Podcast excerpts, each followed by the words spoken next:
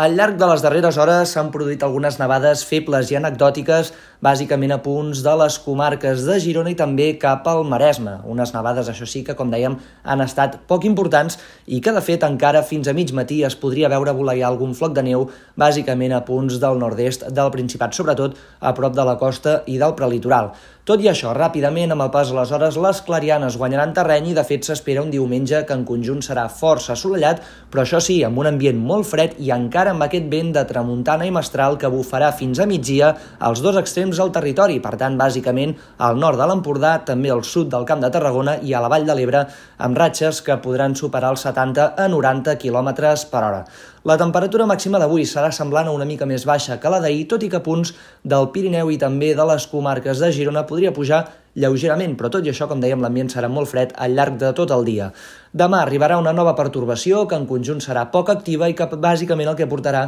serà un augment de la nuvolositat i també durant la tarda alguns ruixats de neu dispersos bàsicament al Pirineu, al Prepirineu i també a l'extrem nord de les comarques de Girona, amb una cota de neu